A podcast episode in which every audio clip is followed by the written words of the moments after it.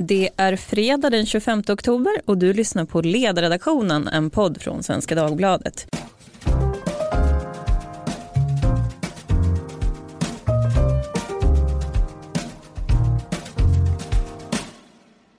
Jag heter Lydia Wåhlsten och idag ska vi ha en lite konstig podd. För idag ska vi nämligen prata med hela ledarredaktionen, vilket är ganska sällsynt här när vi har en massa experter vanligtvis i veckorna. Jag säger varmt välkommen till Maria Ludvigsson. Mm, tack så mycket. Ivar Arpi. Tack. Och Tove Livendal. Tack så mycket. Det har ju hänt ett antal saker även denna vecka får man säga. Det verkar som att Sverigedemokraterna är på vippen att gå om Socialdemokraterna som Sveriges största parti. Jag tänkte att vi kan börja i den frågan. Hur ser ni på att eh, axeln i svensk politik håller på att brytas? Ivar? Nej, men jag tror att det är någonting som eh, man möter en efterfrågan hos väljarna helt enkelt. Eh, Sverigedemokraterna är ett intressebaserat parti som eh, jag, jag, jag, tror att det är svårt att gå tillbaka till den gamla konfliktlinjen som vi har haft. Så att det här är, det, det sker inte bara i Sverige, det sker över hela över hela Europa egentligen. Men eh, någonting som jag tyckte var slående i det här är skillnaden mellan män och kvinnor. Att eh, Sverigedemokraterna redan idag är största parti bland män. Eh, men bland kvinnor så är de, får de, var, de fick typ eh, 13 eh, procent hos kvinnor och 28 procent hos män. Eh, medan Centerpartiet och Miljöpartiet och Vänsterpartiet har mycket starkare stöd hos kvinnor än hos män. Mm. Så det är en sån här, vad ska man säga, man undrar lite hur det låter på Tinder-dejterna eh, sådär när, när man diskuterar politik. Kanske man inte gör, men... Jag har ju faktiskt twittrat om det här och det är ju så att många män allvarligt upplever att kvinnor står för långt till vänster och att man värderingsmässigt befinner sig så långt ifrån varandra. Och den här frågan, även om debatten så att säga har gått vidare så på ett individuellt plan och i familjer och relationer och så, så ligger det fortfarande kvar som ett stort sår. Men Tove, om jag vänder mig till dig, hur ser du på att liksom de gamla positionerna, Moderaterna, Socialdemokraterna håller nu på att förlora till Sverigedemokraterna. Är det någon tillfällighet eller är det här för att stanna? Nej, jag tror inte att det är en tillfällighet. Jag tror heller inte att det finns något ödesbundet i att utvecklingen måste fortsätta åt det håll den har gjort nu. Jag tycker ju om jag går tillbaka och tittar på det vi har skrivit så är det nästan som en sån grekisk tragedi. Man liksom stått vid sidan om och sett hur det har hänt. Eh, brev till sju partier för några år sedan i Almedalen när uppmaningen var att de andra sju partierna måste tala om de frågor som Sverigedemokraterna hade lyft. Det gjorde de inte det året i Almedalen. En, året därpå så tog de i som bågnade med vifta med flaggor och hade sig.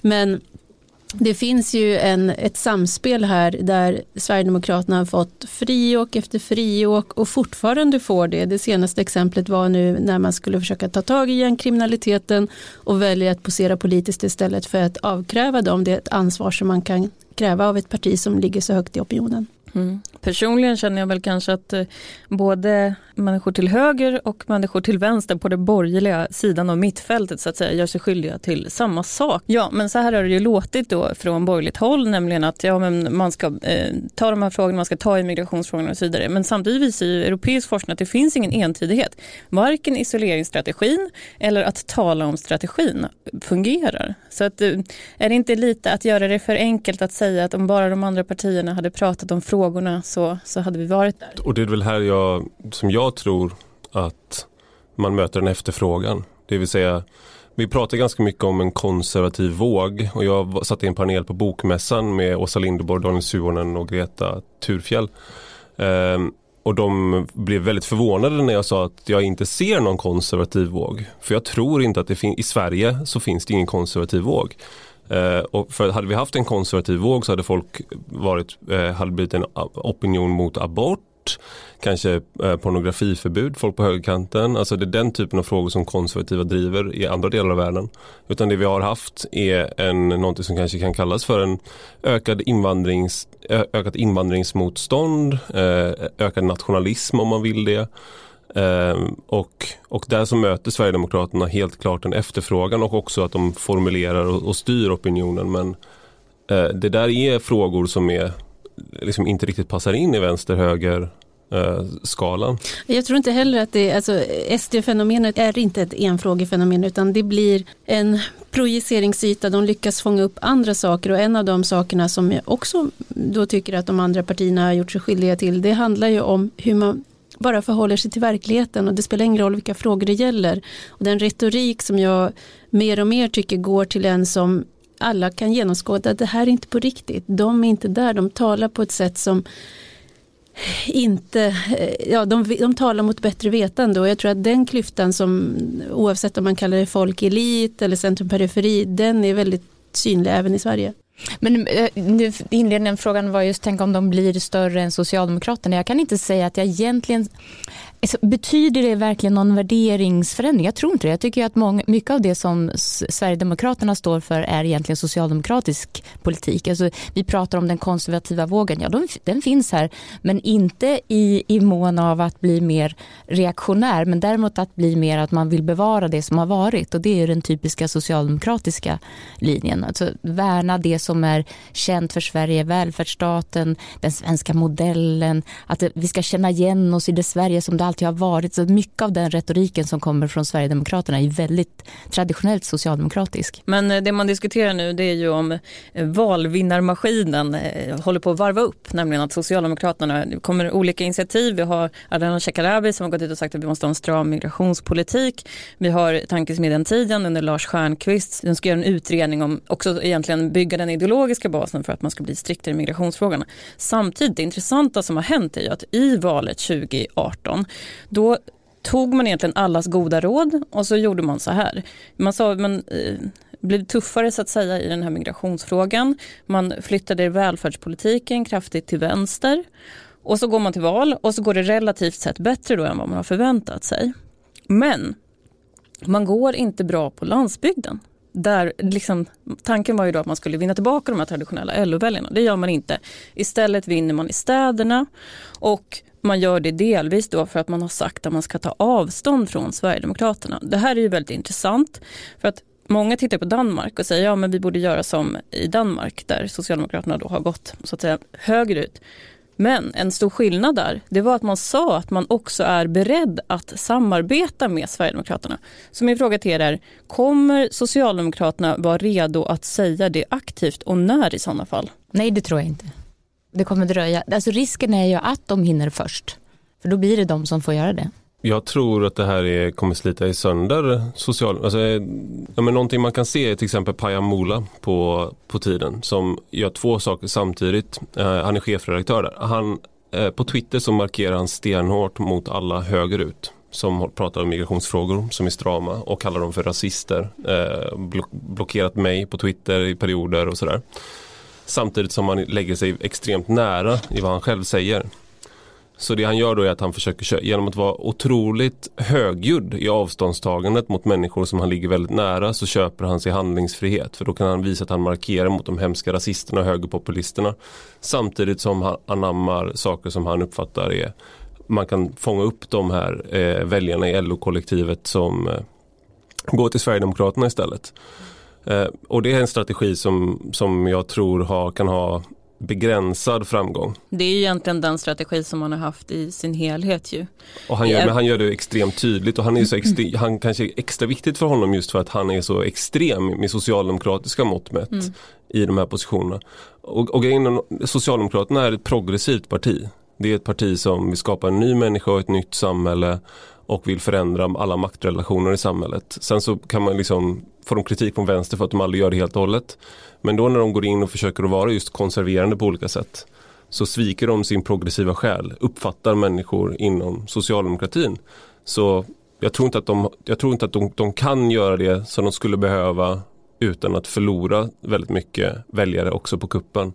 Och det kan vi se också, Vänsterpartiet växer ju men de har inte vuxit så mycket men jag, jag, jag tror att det finns vad som säger, ett tapp till Centerpartiet och Vänsterpartiet här som man riskerar samtidigt. Jag tror att det, här, blir det så att Sverigedemokraterna eh, skaffar sig marginal som Sveriges största parti då kommer det att innebära att vi får se positioner omprövas mer än vad de behöver just nu. Och Och eh, det Vad väl, betyder det där i praktiken? Det betyder väl, man brukar ju säga att är det några svåra beslut som ska fattas i det här landet så måste det tas av Socialdemokraterna. Det är liksom bara de som har Eh, Eh, det politiska utrymmet att göra det.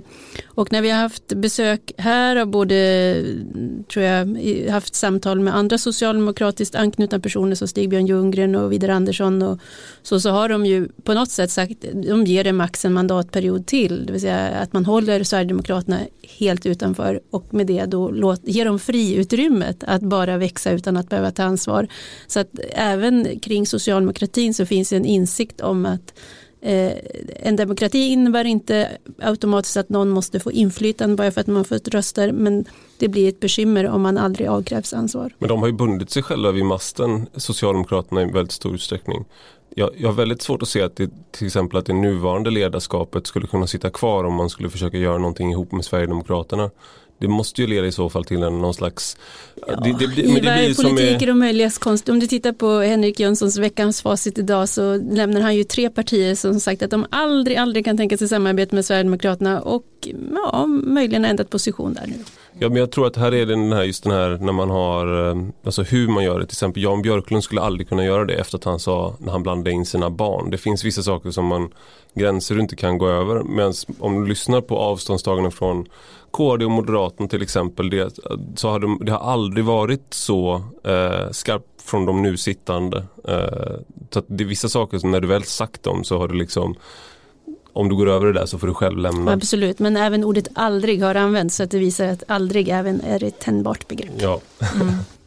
Men eh, Tove, igår så var ju Amanda Sokolnici som jag inte kan uttala men jag håller på att lära mig. Och eh, PM Nilsson i Aktuellt och eh, då sa PM Nilsson att vi kommer att få se att Sverigedemokraterna, om de blir betydligt större nu, kommer att kräva ministerposter. Vad tror du? Ja, det, det är väl så att säga, utifrån deras utgångspunkt helt rimligt att göra. Och det kostar ju ingenting på, de kan ju kräva precis vad de vill och sen kan man säga att är det så att de skulle bli största parti efter nästa val så är det de som kommer få frågan först ifrån talmannen. Eh, och i så fall så blir det väl en fråga då hur de andra ser på möjligheterna. Det kanske har hänt en del då i synen på vad det är för typ av parti och vad som är möjligt att åstadkomma. Om, När, om de får frågan då, vi säger att Sverigedemokraterna blir störst teoretiskt och de går till Kristersson, tycker du att det är rätt av honom att uh, ingå i ett formellt samarbete? Det det går inte att svara på därför att det, det, måste Moderaterna själva se i det läget. Se, vad får vi ut av det? Vad kan vi göra? Vad, vad är möjligt att åstadkomma? Är det här en samarbetspartner som går att in, ingå någon form av förtroendefullt samarbete med? Hittills har ju Sverigedemokraterna levt gott på att vara notoriskt man säger, otrogna. Eh, så det är klart att det, det, är nog ingen sängkamrat som man i första hand skulle, och vi har ju också avrådit från att man skulle släppa in ett parti i regering om man äger den makten. Men eh, jag vet inte, i ett sånt läge så är det ju möjligt att Sverigedemokraterna står utan samarbetspartner och i så fall försöker sig på att bilda en väldigt svag minoritetsregering och i det läget så är det väl inte osannolikt att tänka sig att det uppstår nya koalitioner. Då kanske äntligen eh, Anna Dahlberg och PM Nilsson får som de vill och vi får en S och M-regering.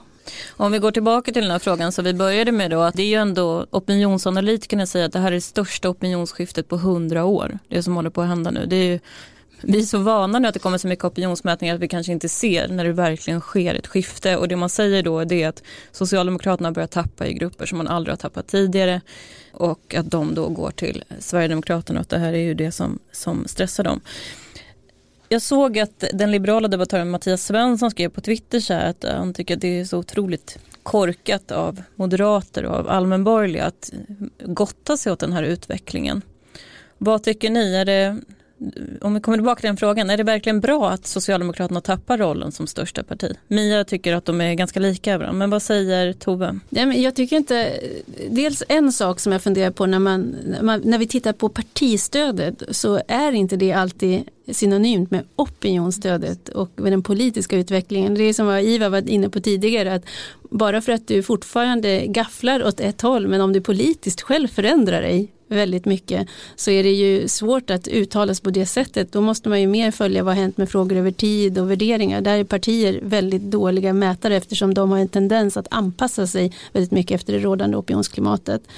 Så att eh, med det sagt så nej, jag gottar mig verkligen inte åt utvecklingen därför att jag tillhör ju de som tycker att höger-vänster-dimensionen är ett av de spänningsfält som är det allra viktigaste för politiken att förhålla sig i eftersom det i grunden tycker jag finns ganska fundamentala skillnader i hur man ser på människa och sådär. Så därför är vänster-höger viktig för mig och om man ska upprätthålla en sån meningsfull spänningsfält då kräver det att båda parter så att säga lyckas omformulera sina grundläggande ideologiska värderingar i en modern tid och det är det som Socialdemokraterna haft svårt för och Moderaterna också.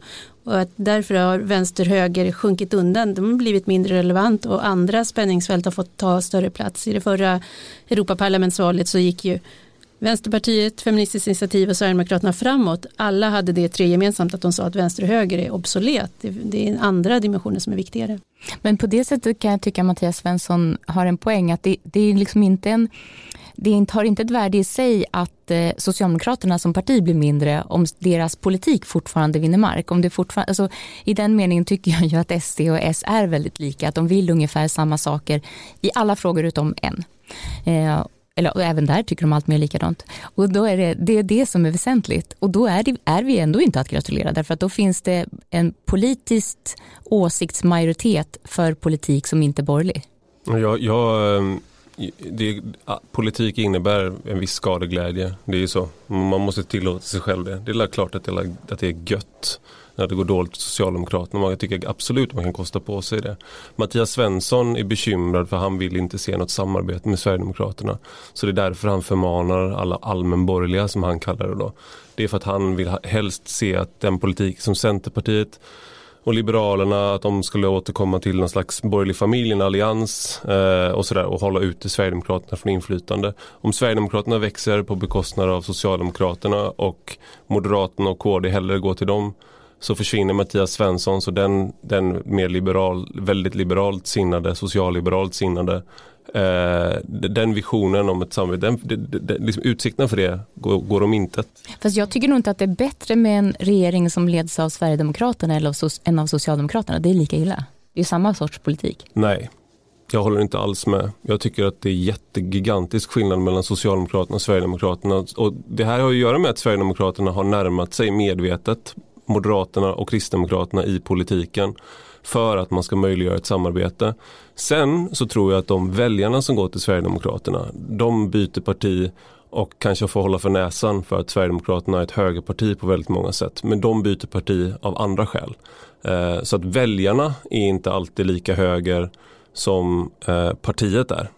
Precis Mycket LO-väljare. Liksom. Ja exakt, de, de byter parti Förmodligen på grund av invandringsfrågan, integrationsfrågan eller lag och ordning. Men, men också mycket att de tycker Sverigedemokraterna, igen... Sverigedemokraterna, deras frågor, de är till stor del ekonomiska frågor ett, eh, ett högerparti nu. Ja, så är det ju och man kan ju landa i sakpolitiskt väldigt nära varandra oavsett om man kommer in i frågorna så att säga från olika ideologiska horisont. Så jag skulle fortfarande säga att det finns en stor ideologisk skillnad mellan liksom, Moderaterna, Kristdemokraterna och Sverigedemokraterna. På samma, på samma sätt man kan landa i att man är mot EU till exempel på fullständigt olika grund. Men vi måste prata om en sak som ofta dyker upp när man pratar med andra människor och det är så här, titta här och jag tycker dagens diskussion är ett bra exempel på det uppenbarligen. Ivar Arpi, Maria Ludvigsson, ni håller inte riktigt med varandra om den här avgörande frågan kring regeringsbildningen då inför nästa val. Men eh, Tove, kan inte du berätta nu för alla som sitter och lyssnar på det här, vad är egentligen vår publicistiska linje? ja, den går tillbaka lång, lång tid. Jo, nej men vi får ju ibland, får ju ibland höra, men ni, ni tycker inte alltid, det är inte alltid tydligt vad ni tycker och sådär. Och det handlar ju om att vi medvetet har eh, utvecklat en ganska stor bredd av texter som vi skriver. Och en del av dem har till syfte att verkligen övertyga om en linje som ofta är, ligger fast. Jag menar, det, det, kan man säga om svenska, man kan säga mycket om Svenskas ledarsida men vi är inga åsiktsflöjlar utan går man tillbaka i läggen så kan man konstatera att linjen eh, när det gäller liksom ja, några grundläggande eh, saker har legat väldigt fast och sen har naturligtvis vissa principer, de måste då översättas när det kommer nya frågor som de där prövas mot. Men sen har vi då också både för egen skull men inte minst för läsarna försökt hitta sätt att prata om saker som det kanske ännu inte finns en jättetydlig åsikt att ha kring därför att det är nya fenomen. Men vi ser att det är på väg upp och tycker att det här är någonting som kommer att bli en stor fråga och vi måste liksom ha ögonen på det. För förr eller senare så blir det skarpt politiskt läge och då är det ganska bra att man har kunnat följa över tid och, och så.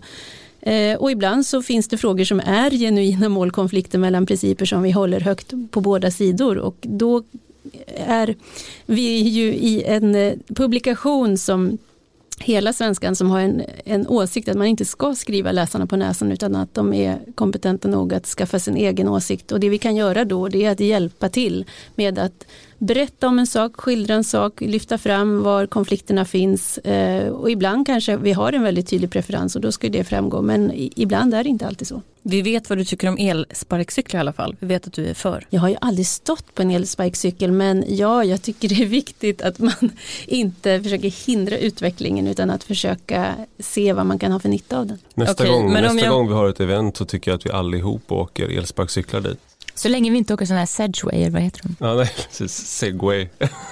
Men eh, jag kan väl ta upp några sakpolitiska frågor som har eh, dykt upp de senaste veckorna så kan vi få höra då ja eller nej. Nu tittar jag på Maria Ludvigsson och Ivar Arpi. Behöver arbetskraftsinvandringen stramas åt, ja eller nej? Nej. Ja. Tove för utslagsrösten. Ska vi bygga snabbtåg till Göteborg, ja eller nej? Nej. Nej. Men från Göteborg? Går förändringen av Arbetsförmedlingen för fort på grund av Centerpartiet, ja eller nej? Nej, jag tror jag. Det, går, det går väl inte så fort. Är det bra med ett samarbete med Sverigedemokraterna? Det handlar ju om vilken politik man då i sådana fall blir överens om. Eh, I mitt tycke så om det just leder till en avreglerad bostads och arbetsmarknad, vilket jag inte tror, men om så vore fallet så vore det jättebra och då hade det varit alla gånger värt att samarbeta med dem. Men ska man göra det så måste det vara någonting som ger så pass mycket att det är värt det politiskt. I grunden är ju det här en filosofisk fråga. Vi har haft mm. egentligen samma diskussion i relation till Nobelpriset och Peter Hanke. Om det är okej okay att, eh, så att säga, skriva fantastisk litteratur och genomdriva fantastiska reformer om man i grund och botten då är en människa med skumma åsikter. Och på samma sätt är egentligen regeringsbildningen. Så man kan ju följa den här Nobelprisdebatten för att få en mikrokosm av samtalet kring Sverigedemokraterna också tänker jag. Men hörni, eh, vi ska fortsätta och fundera på hur vi kan bli bättre och då vill man ju gärna att de som lyssnar på den här podden också hör av sig och säger hur den här podden kan bli bättre. Och om ni tycker om att höra då och då oss fyra bara sitta så här och prata med varandra. Det Gör ni inte det behöver ni inte höra av er. det behöver ni göra, säger jag då, som är intresserad av sånt. Men vi, det är fredag, vi brukar alltid avsluta med ett fredagstips vad man ska göra i helgen. Så vem, vem ska göra någonting vettigt i helgen som ni kan tipsa våra lyssnare om?